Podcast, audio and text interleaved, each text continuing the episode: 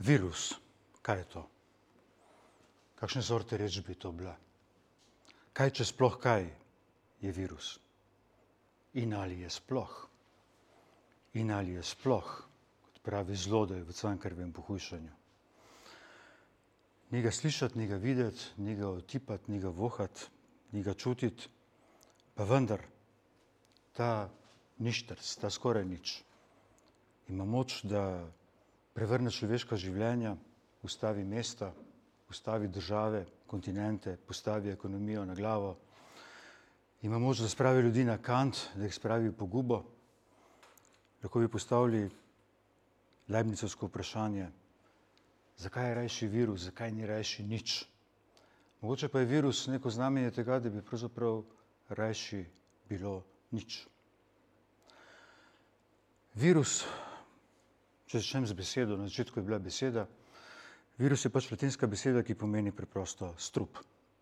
Ta latinska beseda izhaja iz indoevropskega korena ways, ki pomeni raztopiti se, odplake, strupene odplake, strup skratka. No, iz te indoevropske, tega indoevropskega korena je nastal, nastala beseda v sanskrtu viša in iz te besede viša, ne boste verjeli, nastala beseda višnja, že v starocrkveno slovanščini. In imamo ta nenavaden par, virus in višnja. In ta par nas nekako uh, spomni, se mene spomni takoj na višnjev vrt, višnjevi sad, to zadnji komat, ki ga je napisal Čehov v letu svoje smrti, kot da bi bile za Čehova tudi višnje usodne. Čeprav Čehov je umrl od uh, tuberkuloze, od bakterije, ampak ja, to je bilo v letu njegove smrti 1904, ko je umrl star 44 let in uh, v tem komadu višnjev vrt, Ta višnja vrt nekako reprezentira to, če se spomnite, rusko aristokracijo, to staro Rusijo, ki propada, ki jo je že najedel, pač virus propada. Ampak tisto, kar bo ugonobilo ta višnja vrt, je virus pohlepa, virus povspetništva, virus kalkulacije. Um, skratka, virus tistega lopahina, ki je bil svoj čas tlačan, potem je pa kupil ta višnja vrt, zato da bi iz njega napravil turistično naselje, Airbnb.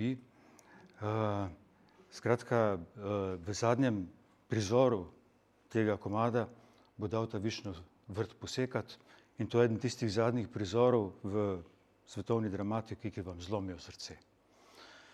Skratka, te višnje, ki izvirajo iz virusa, na zadnje niso bile kos socialnemu virusu. Čehu dodajam osebno noto, s Čehovim si deliva rojstni dan. Um, nekako sem si vedno predstavljal, da bi za rojstni dan sedela skupaj in pila čaj. Ne bi bilo treba veliko besed, dobro bi se razumela.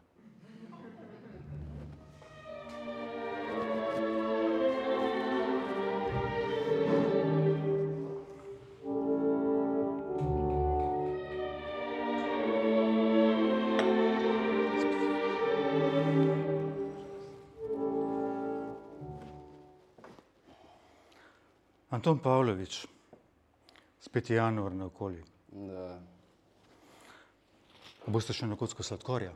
Ja, pa že ste. Ja. Dragi Anton Pavlović, kaj nas storiva, da preženemo vso to žalost, naseljeno v naših dušah, v naših srcih, v naših časih še vedno takšna kot v vaših, malo drugačna, ampak še vedno ista. Kaj morava midva? Da prepodiva žalost z lica, da srce se nasmeji, kot pravi Puškin. Kaj morava midva? Вот тена, Младен Ярославович, вот тена. Допустим, что среди 100 тысяч населения этого города, конечно, отсталого и грубого, таких, как мы, только несколько. Но все же вы не исчезнете, не останетесь без влияния. Таких, как мы, после нас явится уже, быть может, 6, потом 12. Пока, наконец, такие, как мы, не станут большинством. Через 200-300 лет жизнь на Земле будет невообразимо прекрасной, изумительной. Человеку нужна такая жизнь. Если ее нет пока, то он должен предчувствовать ее, мечтать, ждать, готовиться к ней. Он должен видеть и знать больше, чем знали и видели его дети, отец. Младен Ярославович, вот и на.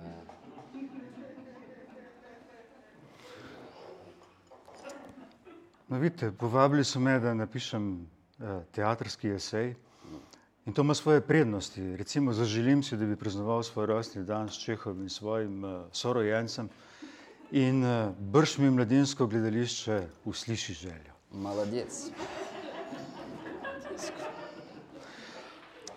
No, če nadaljujem s to besedo. Uh, virus, če pogledamo v latinski slovar, se nahaja med dvema markantnima besedami. Na eni strani je beseda vir, pomeni moški, pravi moški, pravi bredačev slovar, tako kot eh, virilnost ali pa triumvirat. Uh, in tako vidimo, da obstaja neka zveza, vir, virus v današnjem času, toxic masculinity. Se, vir, vir, kot, vir kot moški ne, je vir nekega svojevrstnega virusa. Ne. Na drugi strani pa je beseda vis, ki pomeni moč, sila, tako kot vis major ali kot viribus unitis, uh, združenimi močmi. Skratka, virus se nahaja nekje vmes med uh, moškostjo in silo, oblastjo. Ampak, če pogledamo bolje, vidimo, da med vir in virus uh, padeta še dve besedi, namreč virgo in virtus, devica in krepost. In uh, tako vidite, slovari so neizčrpen vir zgodb. Zakaj bi brali romane, če lahko beremo slovarje?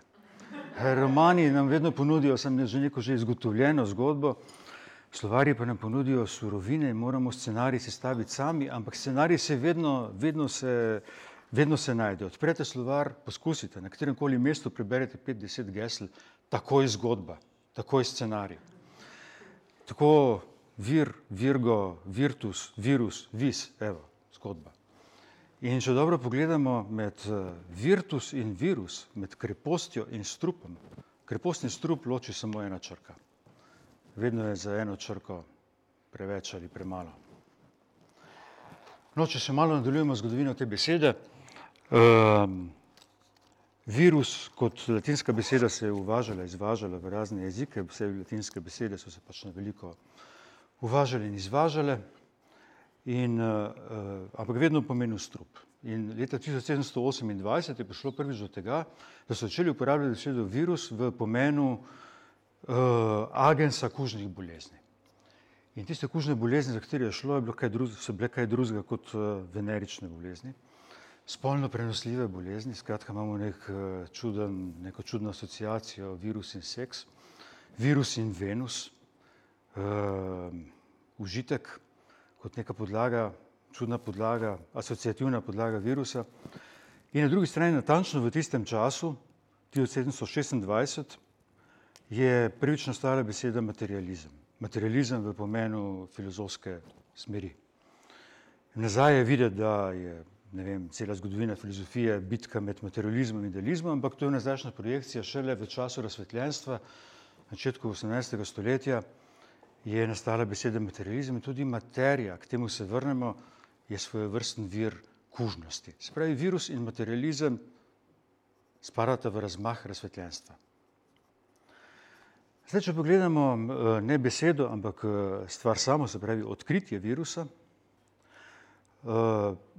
Pasteur je v drugi polovici 19. stoletja odkril bakterije, ampak že sam je posumil, da obstaja nek vir kužnosti, nek velik vir kužnosti, ki je veliko manjši od materije. In prvi, ki je izoliral nek virus, je bil uh, spet Rus, Dimitrij Josifovič uh, Ivanovski.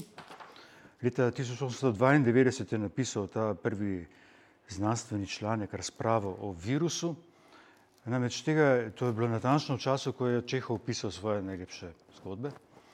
In uh, tega Ivanovskega so poslali v Besarabijo, na Krim, v Ukrajino, zato ker je tobačne nasade uničevala neka skrivnostna bolezen. Uh, in uh, ta Ivanovski je pač uh, videl, kaj je povzročitelj te bolezni in poimenoval ta prvi virus, ki se imenuje tobačni mozaični virus. Tobacco mosaic virus. Evo, to je uh, founding father vseh virusov. Mozaični zato, ker je na tobačnih nasadih eh, delal tašne mozaične vzorce, zelo lepe, ampak fatalne. Um, skratka, najprej smo imeli virus in seks, imamo virus in tobak, seks in tobak kot neka podlaga virusa. In vidite, ta prvi virus je hotel kaj? Hotel je obvarovati naše zdravje. Sprav, ta strup je uničeval tobak, ne? to je drugo, drugi nalezljivi virus, ne? zelo nalezljiv, zelo prešljiv užitek. In uh, seks in tobak. Ne? Ni hudič, da je prav zvezo seksa in tobaka Muljer nekako uporabil v svojem velikem komadu o Don Juanu, ki je zgodba o seksualnem razvratu, ampak kako se začne ta zgodba? Začne se s hvalnico tobaku. Ko se dvigne zastor, evo, kaj slišimo. Naj Aristotel in vsi filozofi skupaj rečejo, kar hočejo. Ni ga čez tobak. To je strast poštenih ljudi. In vsak, ki živi brez tobaka, zasluži, da je živ. To je Kajti ne samo, da poživlja možgane in jih krepi, tudi duši pomaga kreposti. In človeka navede k temu, da postane poštenjak. Ma ne vidite, kako eh, ljubeznivo, kako ljubeznivo ga tisti, ki se ga navadi, zauživa z vsemi po vrsti. Kako z veseljem ga, kjerkoli se znajde, ponuja na levo in desno. Eh? Zato je res. Vsakemu, ki se ga navadi, vzbuja tabak poštene in krepostne občutke. Ampak.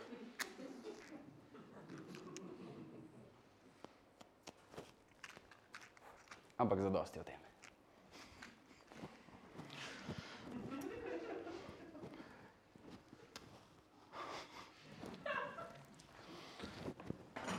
Na kakšne sorte virus je tobak? Po eni strani seveda vir neke nalezljive, pogubne eh, bolezni, vseh mogočih bolezni, smrtonosen virus, eh, rak, kap, če ostanemo pri enozložnicah. Ampak po drugi strani, po drugi strani, po drugi strani pač Moljer nam je priča, ne, Moljer nam je priča, ne bi mogli imeti boljše priče, ne. Obenem se širi virus solidarnosti, virus širokogrudnosti, virus skrbi za skupnost, delimo z drugimi, tobak delimo z drugimi. In kjerkoli se širi tobačni dim, se obenem širijo ideje, teorije, prismuknjenosti, zgodbe in, in eh, podlaga, krepost. In podlaga kreposti je ravno solidarnost. Solidarnost, to, da lahko delimo na levo in desno. Solidarnost, sharing, vsakodnevni komunizem. Torej, to so majhne usluge, eh, kot naprimer, če prosiš nekoga za ogen ali za cigareto. Videti je bolj legitimno, da neznanca prosiš za cigareto, kot za ekvivalent v denarju ali celo v hrani. Dejansko je, če si sokadilec, fellow smoker, težko zavrniti takšno prošnjo. V takšnih primerih ogenj, cigareta, koristna informacija, pridržanje vrat, je ta element od vsakogar tako minimalen, da mu večinoma sledimo, ne da bi sploh pomislili. No, to je citat iz Davida Graeberja.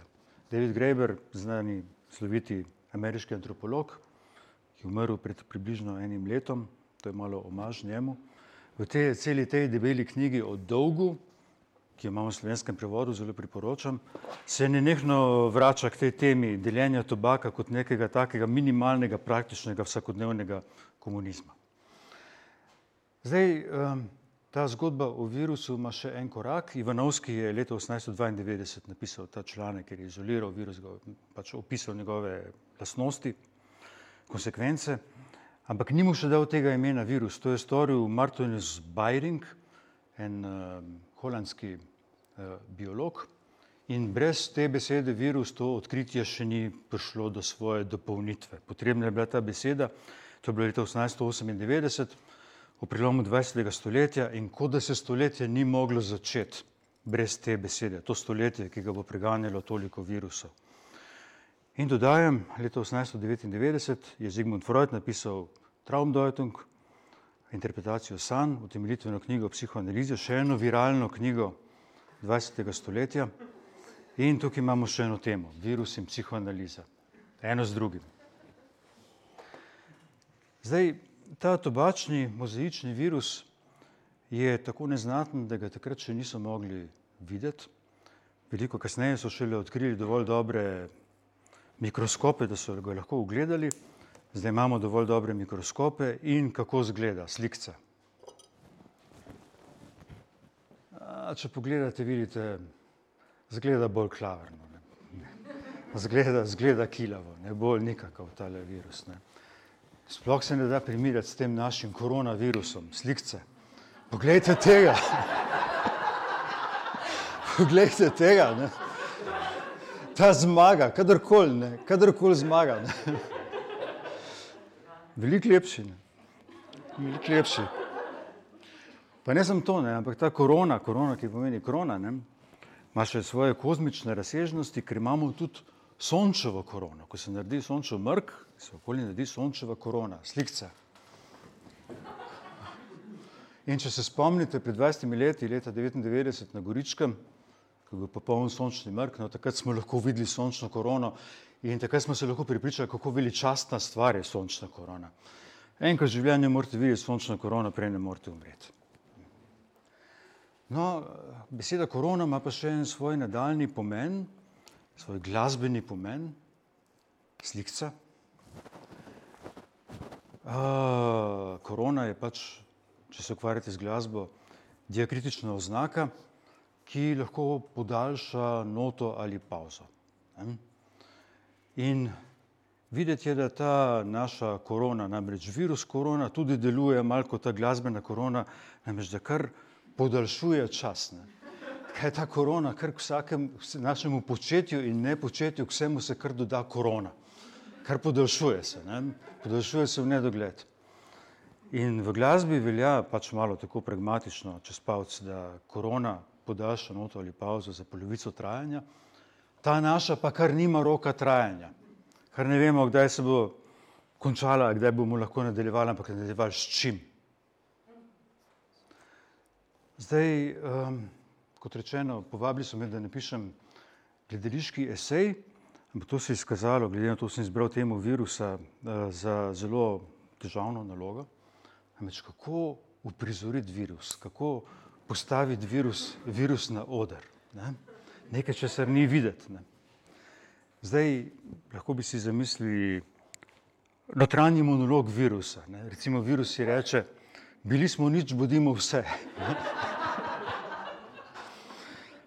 In zdaj, um, ne vem, lahko je igravcu, ki mora impresionirati, ne vem, Ojdipa, Medejo, Hamleta, Ofelijo, Tartufa, Fausta, Jermana, Župana Vomicko, ampak kako naj impresionira virus? Ne? Nekaj, kar je brez motivacije, brez karakterja, brez psihologije, brez smisla, brez podobe. To je pravi izziv za postdramski teater. Teater ogoljen do svojega bistva. Ne? Imamo prazno sceno, temo in znotraj v tej prazni sceni, na temi, se množi, plodi, uh, razširja virus. In predtem se dobro zavemo, smo vsi okuženi. Sam virus teatra, teater kot virus. Uh, v vlogi virusa, blaž šef, najtežjo nalogo svoje igralske kariere. Se grem jaz še malo prepraviti.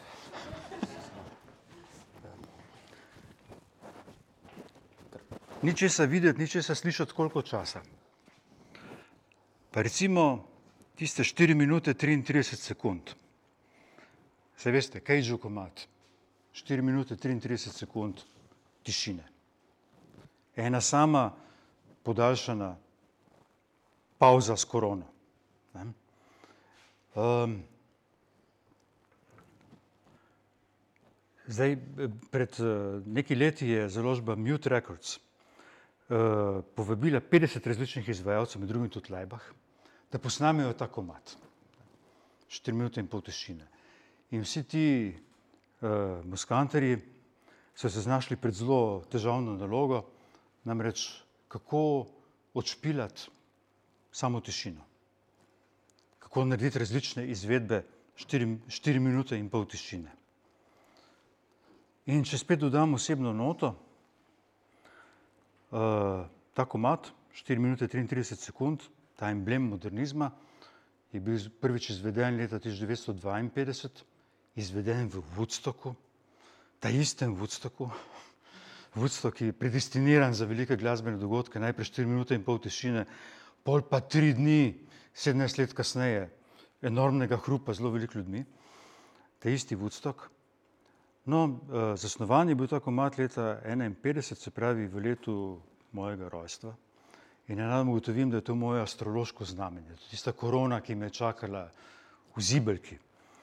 Ja, najprej Čehov, pa še John Cage. Vsakdo se rodi s kakšnimi rojenicami, ampak noben si ne more sam izbrati svojih rojenic. Ampak če bi si jih hotel sam izbrati, si ne bi mogel izbrati boljše. Skratka, 4 minute 33 sekund.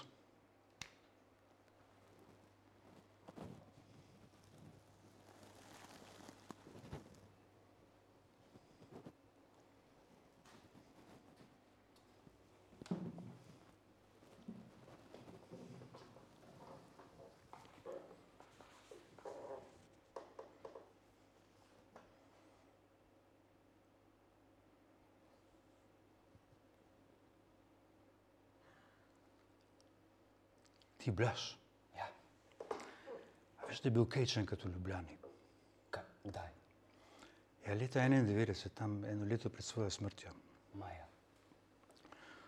Nekako točno 40 let potem, ko je napravil ta komat. No, je imel koncert v Cankarjevem domu. Je bilo nebito polno. Vsi smo prišli gledati Cagea, seveda.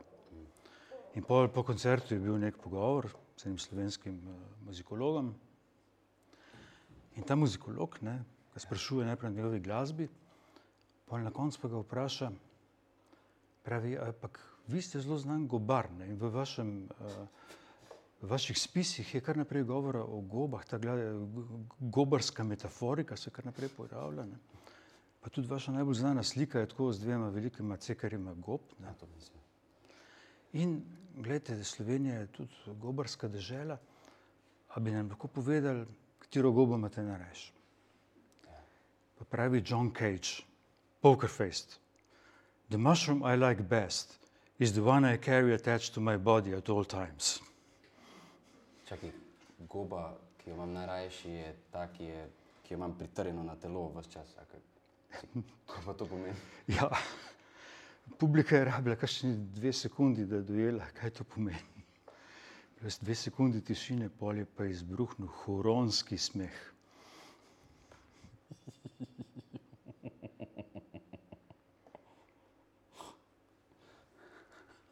A, to je resnična zgodba, sem bil zraven. In vedno, ko pomislim na Johna Cagea, pomislim najprej na to zgodbo.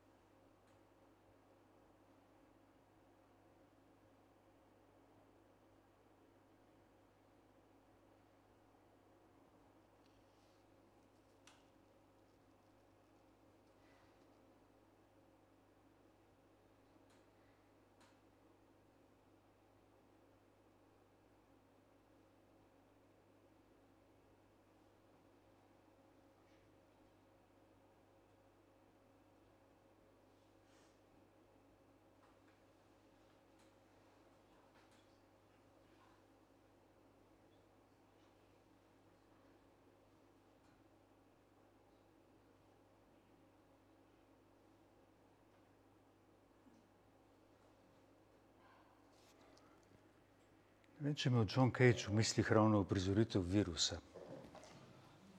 Ampak skoraj ne vidim boljšega načina. Ker kaj je poanta tega komada? 4 minute in pol tišine. Ne, poanta tega komada je, da tišine sploh ni.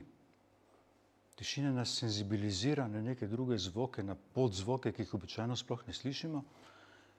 In zlasti, kaj tvori ta komad? Ta, ta komad na zadnje tvori hrup, ki ga dela sama publika. Skozi 4 minute in pol se nekako publika zave, da so oni sami ta komad. Oni sami so akteri tega komada. Samo to, kar dela publika, je to, kar je slišati v tem komadu. vsaka izvedba tega komada je drugačna. In na nek način je tako tudi s to našo dolgo korona pauzo. Počasi se moramo nekako zavesti, da je ta komad sestavljen samo iz hrupa, ki ga delamo mi, da je samo od našega hrupa, od našega početja in nepočetja odvisna ta korona in njen iztek. Cage je poskrbel za mrk, mi smo korona tega mrka. In tudi zdaj nam je bila ta korona usiljena, mi smo korona tega mrka, samo na nas je. Dobro. A je virus sploh nekaj? A je kaj ali je nekaj? Kako, kaj postane nekaj z nikalnico? Čudna reč. Virus je najnižja oblika življenja, pa sploh ne življenja, ker virusi niso zares živi.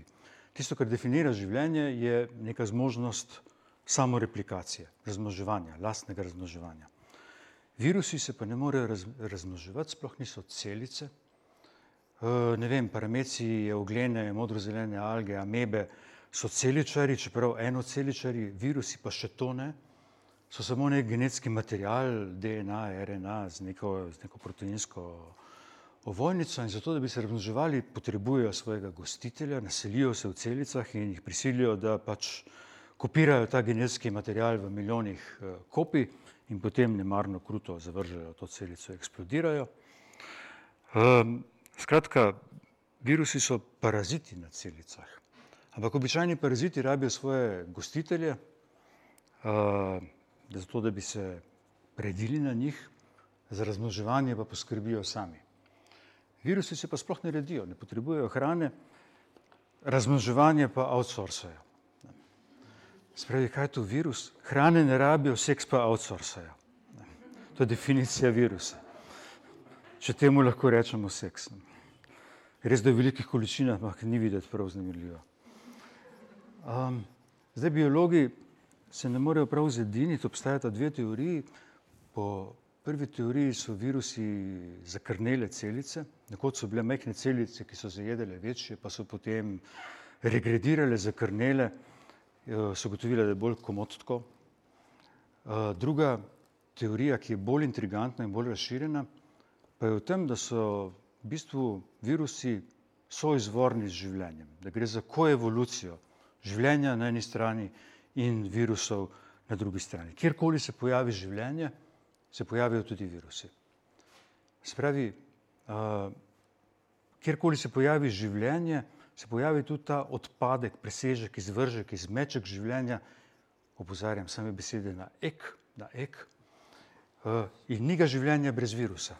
Ni ga življenja brez virusa. Se pravi, ni ga življenja brez tistega elementa, ki iztirja življenje, ki pa sam na sebi ni živ. Sprej imamo življenje plus ta element ek, na ek. Ampak to podživljenje, to manj kot življenje ima možnost pač eh, razširjanja, ugonabljanja, lahko smrtonosno, možnost eh, kontaminacije. Kontaminacija, latinska beseda, pride iz kon, kot tango. Dotaknite se, kon, kon tango, so dotik. Sprej, dotik je nekaj, kar okužuje, preko dotika se širi ta kontaminacija. In dotik je nekaj, kar omadežuje, kar oskruni. In spet, če pogledamo latinski slovar, kontaminatus pomeni pohotnež. Kaj bi skrunilo bolj kot užitek? In užitek je še ena beseda na ek, mogoče ultimativna beseda na ek. Imamo celo serijo besed na ek. Blaž, Ja, ja, če mi priskočiš na pomoč. Sem jih izpisal. Um, izvržek prebitek, izrodek, dodatek, presežek, odkrušek, izcedek, odpadek, urinek, izpljunek, spaček, izmeček. To sem našel zdaj. Tako še dr, ek, ne vem, kako ne rečem. Še ena beseda na ek. Ne, ne boste verjeli, imamo od zadnji slovar slovenskega jezika in besed na ek je v slovenščini 1829. In to je bil sam jagodni izbor. Skratka, rabimo ta ek element, eh, ta ek element, ki je vir, vir kontaminacije. Spravi, ni življenja brez tega ek. Zdaj, Prej sem omenil, da je beseda virus v tem pomenu kužnosti nastala hkrati z besedo materializem in tudi materializmu imamo nek sorodni problem. Kaj je to materija? Materija, telo, je tudi nek svoj vrsten vir kužnosti, virulentnosti.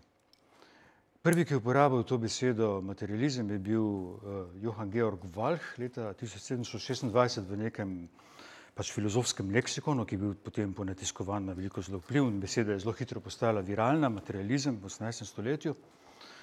Ampak Walch, ki je bil pisec tega leksikona, bi se moral kot uh, kot tak pač bi moral ukazati nek vides eh, objektivnosti, nepristranosti, ampak pri besedi materializem pa kar ni mogel. Materializem, ja, to so oni, ki verjamejo, da vse sam materija, pa mehanična, pa telo. Ne. Kaj pa nesmrtna duša, kaj pa morala, kaj pa svoboda volje, kaj pa zvišenost človeškega duha. Skratka, ni mogel kaj, da ne bi pokazal svojega ogorčenja nad tem. In Tako je beseda, ta, ta materializem, te, eh, pojmu materializma je ta beseda začela funkcionirati, materija kot nekaj kužnega, ne? kot nekaj potencijalno kužnega in umazanega. In če postavimo stvari na takšen način, potem vidimo, da je duh pravzaprav imunološki problem. Kako zaustaviti to kužnost telesa in materije? Pravi, duh je naše cepivo, duh je karantena. Duh je socialna distanca, duh je prepoved telesnega občevanja, predvsem to. Spravi, duh je tisti, ki ne nas zaščiti pred materijo kot boleznijo. In uh, toliko materializem nikoli ni bil samo epistemološki problem, problem vednosti, problem tega, da postavimo tezo, da je materija edina substanca, ampak je vedno v materiji nek tisti ek presežek. Nek presežek, ki nas navdaja z neko afektivno držo, z držo, ne vem, gnusa, uh, ogroženosti ali tudi na drugi strani užitka. In lahko bi rekli, da je virus pravzaprav neko do kraja skrčeno minimalno bistvo materije. Nevidna materija, ki pa je zato še toliko bolj materija. Spravi tisto želo, ki ga skriva, želo kužnosti, ki ga skriva, skriva materija, materija v sebi. Lahko bi rekli, virus je resnica materije. Telo in materija sta bolezen, duh pa je zdravilo. To je tradicionalna podoba. In toliko ima vsako govorjenje o virusu vedno neko svoje filozofsko ozadje, svoje ontološko podpodje. Povej mi, kaj si misliš o virusu in povem ti, kakšno filozofijo zastopaš. To. Kaj ima virus s teatrom? Pa vzemimo Platona. In glede na to, da sem tle kot filozof, ta večer ne bo mogel miniti brez uh, Platona in Hegla, vsaj brez, teh dveh. Um, poglejmo, kaj si Platon misli o teatru. Zakaj se Platon čuti ogroženega v teatru, zakaj hoče teater izključiti, izgnati iz svoje idealne države? Ja, kaj je teater? Mislim, kaj je igralstvo? Ja, igralec je nekdo, ki se skuša mimetično priličiti nekomu drugemu, govori z besedami drugega, uporablja kretnje drugega, uporablja držo drugega, se pravi, mimetično oponaša nekoga drugega. In tukaj nastane problem, ker ni je, ni, ni je, ni ga nedolžne mimezis, ni nedolžnega oponašanja, nedolžne imitacije, vsaka imitacija pusti določeno sled. In zato se postavi to vprašanje, ali bomo dopustili teater v naši državi ali bomo pustili, dopustili komedijo in tragedijo. Ja, ali naj bodo naši čuvari vešči posnemanja ali ne? Ne smejo se odlikovati v posnemanju. Niti ne smejo posnemati nič, kar je sramotno, da ne bi bili na osnovi tega, posnem da ne bi bili na osnovi tega posnemanja eh, deležni. Um, dobro. Uh, da ne bi bili na osnovi tega posnemanja deležni tudi same biti tega, kar, kar posnemajo. Ne. Uh, okay. um, pardon, um, ali ne vidite, da posnemanja, če trajajo od mladih nog, postanejo tudi nravi in narava, tako v duhu, eh, telesu, glasu, kot tudi v razumu? Zato ne bomo dovolili onim, ki so moški, da bi posnemali žensko, staro ali mlado. Tako, ki graja svojega moža, se prepira z bogovi ali se baha, ker misli, da je srečna. Ali tako, ki jo obsedajo žalosti in tožbe, ker so jo doletele nesreče. Še manj jim bomo dovolili posnemati takšno žensko, ki je bolna ali ki ljubi ali ki rojeva v porodnih bolečinah. Ne smejo posnemati slabičev, slaboumnežev, nič vrednežev, pijancev, norcev, strahopetcev, ki med sabo blatijo, zasmehujejo in obrekujejo in nadalje, za vsak primer. Naj nikar ne posnemajo hrzajočih kon, prikajočih bikov, šumenja rek, bučanja morja, gromov in vseh podobnih stvari. Država 394 do 96.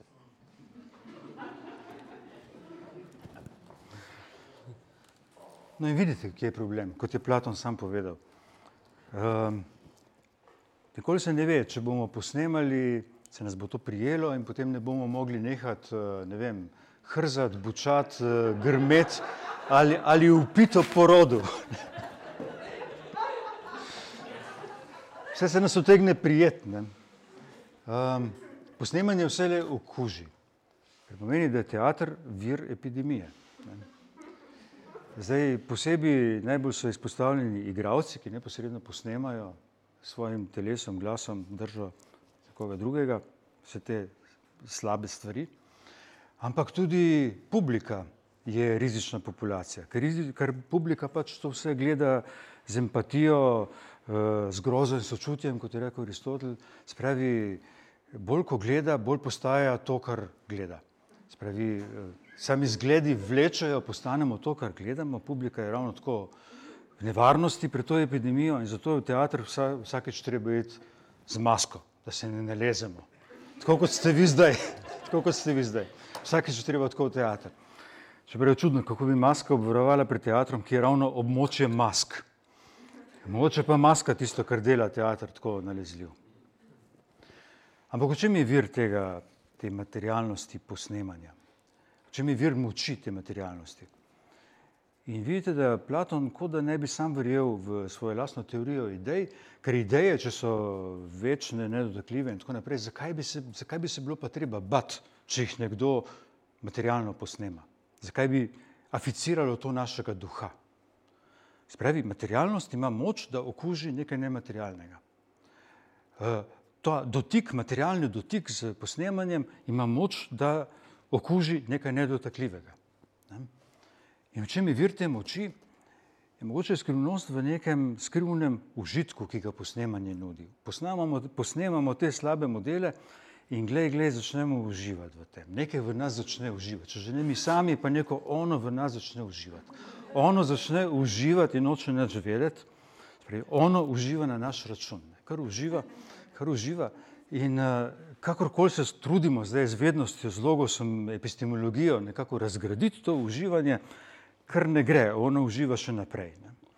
Spravi, logos, kot da je malo brez moči proti temu uživanju, logos proti užitku. Ne.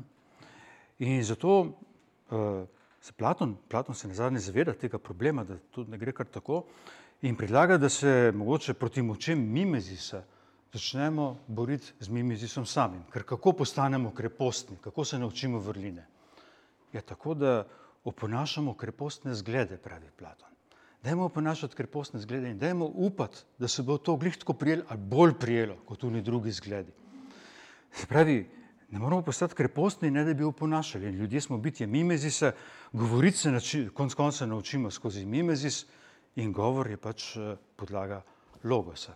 Spravi, ne moremo brez mimezisa, treba angažirati moči tega uživanja, tega mimezisa v dobre namene. Upa, da bo to prevladalo. Spravi, okužiti se moramo s krepostjo. Ampak, če krepost in pregreha, eh, če se oba naslanjata na to nalezljivo materialnost posnemanja, hm, hoče pa tle nek problem. Ampak toliko o Platonu. Zdaj, Hegel je stvari že videl malo drugače. Če je tradicionalno pod Platon naprej materija pa telo bilo tretirano kot nek vir kužnosti, je Hegel vedel, da je tudi sam duh, da tudi sam duh lahko napreduje samo tako, da, se, da, da deluje preko okužbe. In to reče direktno, reče Ansteckung, okužba. Ko govori o idejah razsvetljenstva, fenologiji duha, spravi o ideji uma, Um, pravi, da ta ideja uma mora, se bori proti idolom, malikom, praznoverjem, vražam, pač vsemu temu, na čemer sloni ta stari svet, in deluje proti vsem tem silam starega reda preko okužbe. Eine durchdringende Ansteckung, uh, vse prežemajoča okužba. In pravi, ta okužba napreduje, prepozno je, vsako zdravilo samo poslabša bolezen, ta je že zajela mozek duhovnega življenja, zato ni sile, ki bi bila kos tej okužbi. Zdaj se je neviden in neopazen duh temeljito polastil vsega drobovja in udov malika in nekega lepega jutra s komovcem samo dregne kamerada in bumf, štrbunk, malik leži na tleh. Bumf, štrbunk, Hegel pravi, bavc baradavc. Priporočam, če morate kdaj citirati Hegla, kakšnega iz glave. Bavc baradavc, bavc baradavc. Spravi, kako se je zgodil ta padec malikov, tako da je sama ta ideja uma samo nalezljivostjo, epidemično, tako rekoč, opravila z malikom. In Hegel uporabi to izvrstno formulacijo, da štume fort weben des Geistes. Nemo tkanje duha. Zgoditi se mora nemo tkanje duha, ki prežame vse te pore in potem se bo malik zrušil samo od sebe. In Hegel si ni mogel kaj, da ne bi citiral Didroja, mislim, v tem citatu je implicitni Didrojev citat, Didrojevega Ramojevega ne čakam, tam si je sposodil ta padec malikov. Ramojev nečak je nečak svojega strica, to je stric Ramo. Ramo, glasbe, veliki glasbenik tistega časa. In uh, Didro je bil pač kapo di banda enciklopedije, te utemeljitvene knjige razsvetljenstva in on je bil tisti, ki je verjel v počasno in zanesljivo zmago ideje uma, ki se bo širila kot nalezljiva bolezen. In ideje resničnega, dobrega in lepega bodo samo to je svojo epidemično naravo premagale vse, vse ostalo.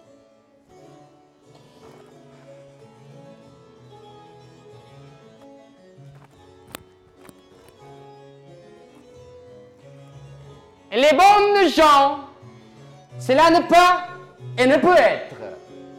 Le vrai, le bon, le beau ont leurs droits. Hein? On les conteste, mais on finit par admirer. Ce qui n'est pas marqué à ce coin, on l'admire un temps, mais on finit par bailler. mais baillez donc, monsieur Baillez à votre aise ne vous gênez pas L'empire de la nature et de ma trinité contre laquelle les portes de l'enfer ne prévaudront jamais, le vrai qui est le Père et qui engendre le bon qui est le Fils, d'où procède le beau qui est le Saint-Esprit, s'établit tout doucement. Le Dieu étranger se place humblement sur l'autel à côté de l'idole du pays. Peu à peu, il s'y affermit. Un beau jour, il pousse le coup de son camarade et patatras Voilà l'idole en bas. Cette méthode politique, qui marche à son but, sans bruit, sans effusion de sang, sans martyr, sans une toupée de cheveux arrachés, me semble la meilleure.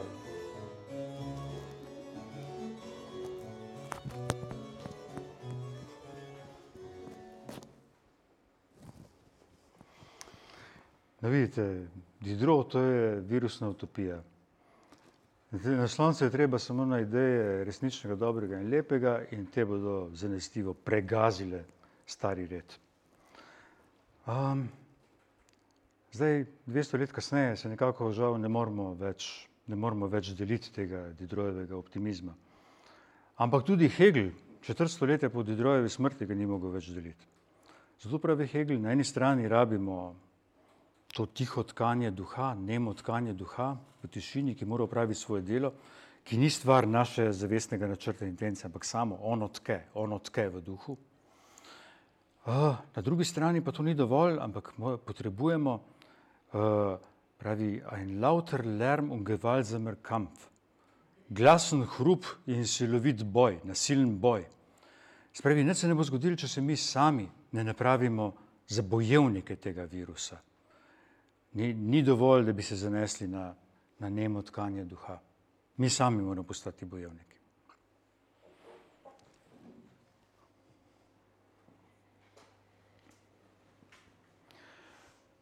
Kaj je torej virus? Kaj če sploh kaj je virus? In ali je sploh?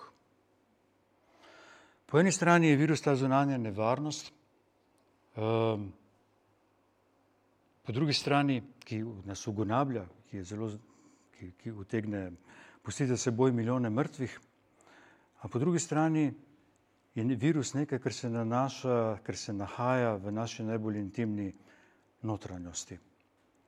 Uh, kar se kaže kako?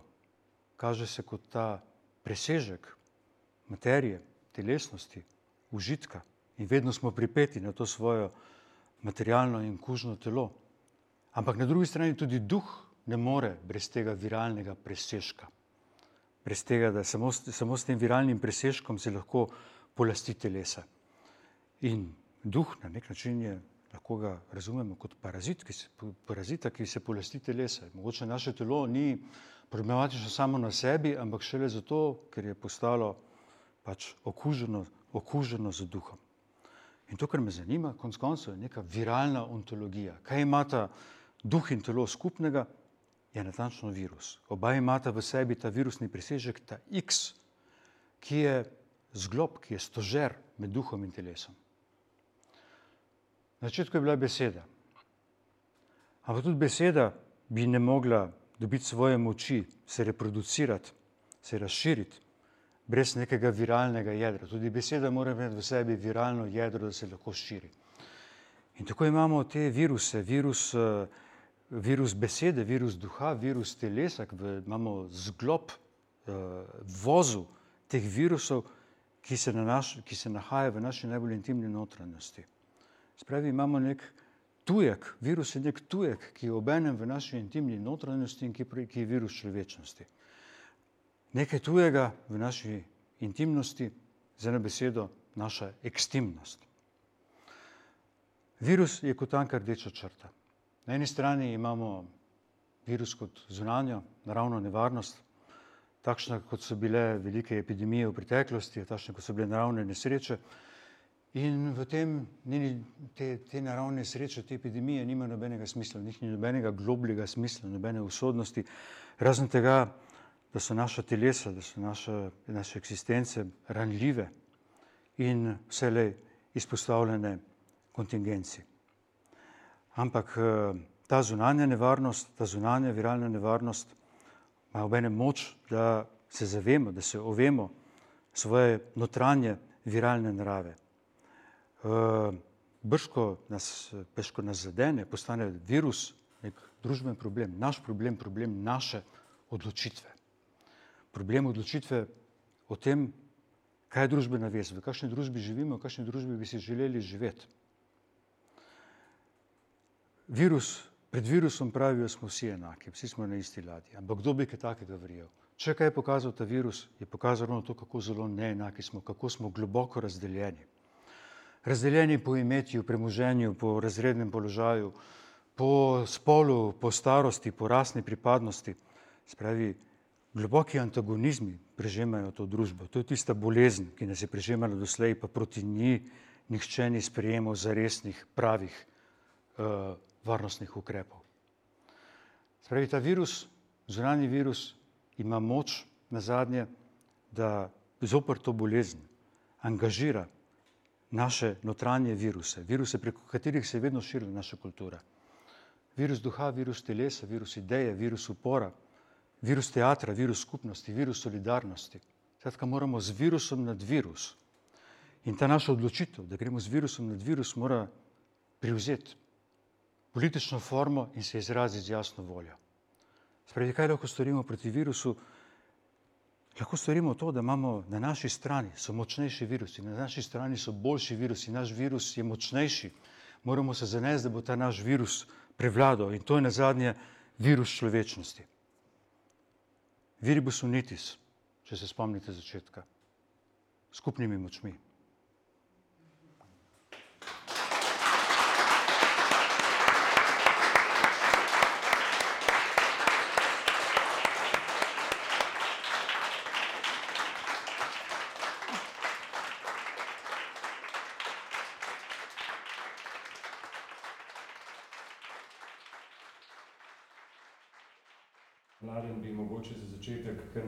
Tvoje besede še zelo, zelo odzvanjajo v glavi, um, ti, ti zastavil vprašanje, ki se tiče v bistvu tvojega zaključka. Ker po eni strani praviš, lahko rečem tik pred koncem, uh, da ne moreš deliti uh, Diderojevega optimizma. Uh, po drugi strani nas na koncu nagovoriš, uh, mislim, da res z enim čudovitim, uh, ni ravno eden od tistih prizorov, ki ti zlomi srce, ampak ti, srce napolni z novim upanjem. Skratka, nas nagovoriš s tem, da naj začnemo vsi skupaj širiti virus človečnosti, virus skupnosti, solidarnosti, ampak z eno besedo, verjetno tisto, ki vse to povzame, virus človečnosti. Se pravi, če ne moreš deliti drugega optimizma, odkot potem takem črpaš optimizem za to, da se ti zdi vredno s takim nagovorom postopiti pred ljudi in nas pozvati k nečemu tako uh, lepemu. No, ne morem deliti uh, drugega optimizma, kot ste videli sami v tem tekstu iz Gromada ne čaka. Pa mislim, najboljša politična metoda je to, da bo virus resničnega, lepega in dobrega tako, tako zmagal. Se ne more drugače. Nekaj časa eh, lahko čakamo, ali, ali tisto, kar nima dobrega, lepega, resničnega, tam začnemo zehati. Ne. Ampak eh, to ima v sebi je ta tolikšno moč, da bo zmagal brez ruvanja las, brez prelivanja krvi, samo od sebe se bo na koncu koncev zgodilo. In uh, to, kar priznam na koncu, pravzaprav to Heglovo stališče, da samo od sebe se sicer mora dogajati to tiho tkanje duha, na katerega nimamo zares, ne, to ni čisto stvar naše odločitve, naše volje, da se bo to dogajalo.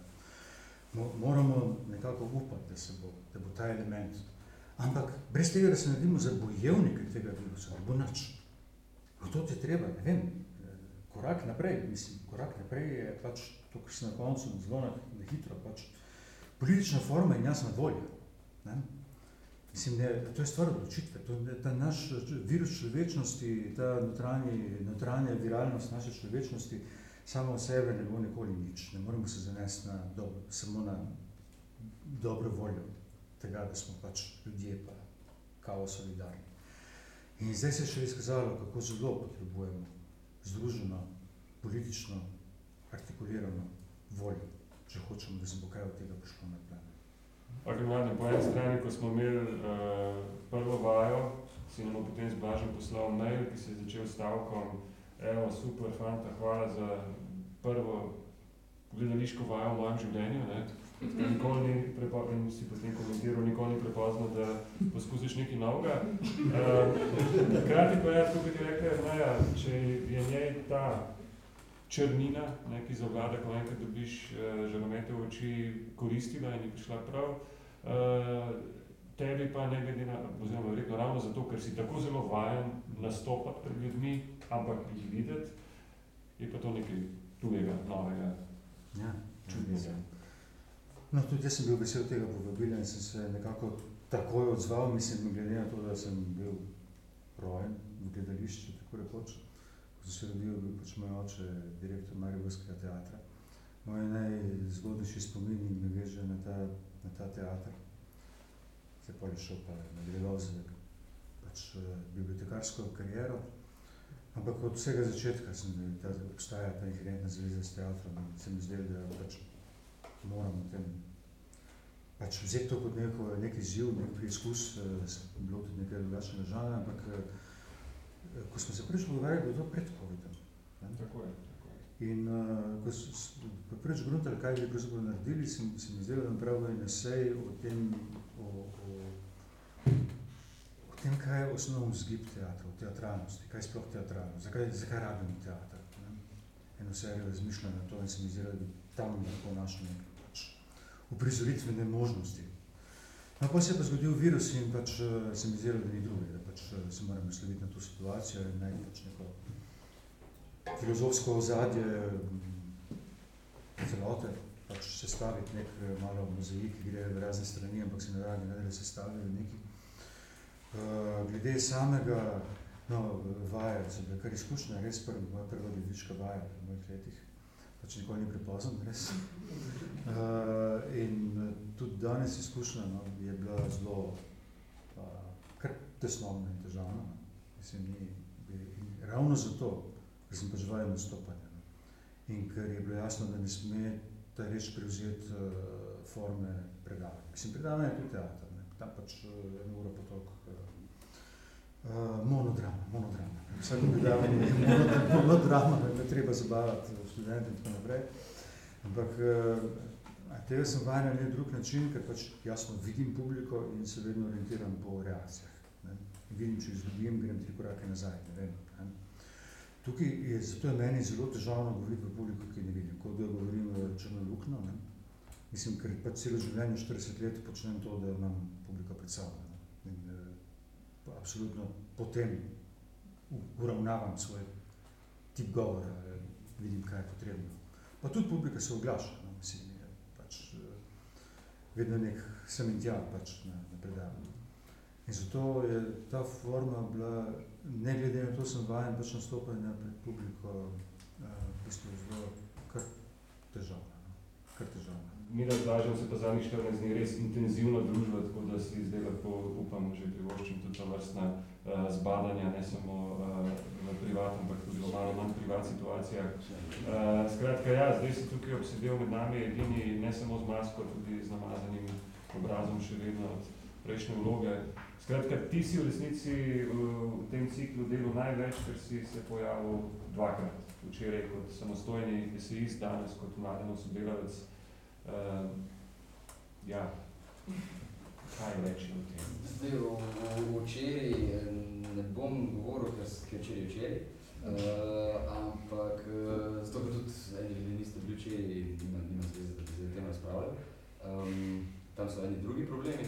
Tukaj, tukaj, pa, uh, tukaj pa sem imel en, en tak, uh, čisto za začetek, sem imel en, eno ogromno spoštovanje, ker mladen je imel, uh, imel predavanja v našem četrtem letniku, ali mislim, da v absolventskem letniku, odprta katedra je bila približno en semester, ali celo mogoče semester pa pol, ali nekaj takega. 2009 se mi zdi. Tako, 2009, tako. Uh, o uh, neka predavanja, ki so vezala filozofijo, gledališče na zelo različne načine in to je, še zdaj imamo spomin, da to bilo meni pravzaprav, kar se ex katedra predavanj tiče, daleč najbolj zanimivo predavanje na akademiji, pa je uletelo posebno naključno. Uh, in tudi to je bilo daleč najbolj obiskano predavanje od vseh katedra predavanj, vseh študentov, vseh letnikov. In uh, ker je to povabilo prišlo, da bi mladen želel, da z menoj to dela, sem jaz v prvi vrsti moral najprej prekoračiti ta svoj respekt, ki ga imam do mladena, uh, vopče, uh, ne samo zaradi teh predavanj. Tako da sem, uh, sem si pol vzel te, te neke drobne izzive uh, znotraj tega, ki jih je že mladen dodelil, Um, in sem rekel, da se igrati s tujimi jeziki, ker se zelo rad z njimi igram. Um, in, in poskusil nekako uh, najti svojo vlogo v ritmu celote, da je ne bi vendarle preveč motil. Zato, ker se mi zdi, da ko mladen začne razvijati svojo misel, je zelo treba biti pazljiv, kako z ritmom celote ravnati. Uh, ker je to ful gosto tkanje. In ga tudi sam bi najrajš poslušal, uh, ker sem prvič prebral to besedilo. Eh, tako da sem, sem zelo, zelo močno ostal v tem polju spoštovanja do celote in poskusil za sebe neke, neka mikromesta najti v tem noter. Um, tako da upam, da se bom v, v prihodnjih, uh, kako se reče, oživitvah, ne reko reprizah, da se bom še malo bolj sprostil, pa tako. Uh, Sem ne preveč. Tako da, ja. ne preveč, kot bi rekla Boštjan in Mladen. ne razpasi se preveč.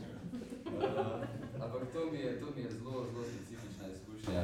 Res, to, uh, kaj, kaj takega, pravzaprav mislim, da še nisem delal tako. Z te vrste prezenco na odru, z te vrste fokusom. Um, ja. Tako da imam, imam veliko, veliko materijala za razmišljati. Meni je bilo izvrstno, da so, mislim, vse štirje zelo različni fokusi, Čehov, Zganarel, Platon, Diderot. Vse je to. Zgodovina, evropska kulturna zgodovina, tako rekoč se zgodi skozi tvoje impersonacije, da bi si jedno preseške nad impersonacijami, no, se mi zdi. Ne.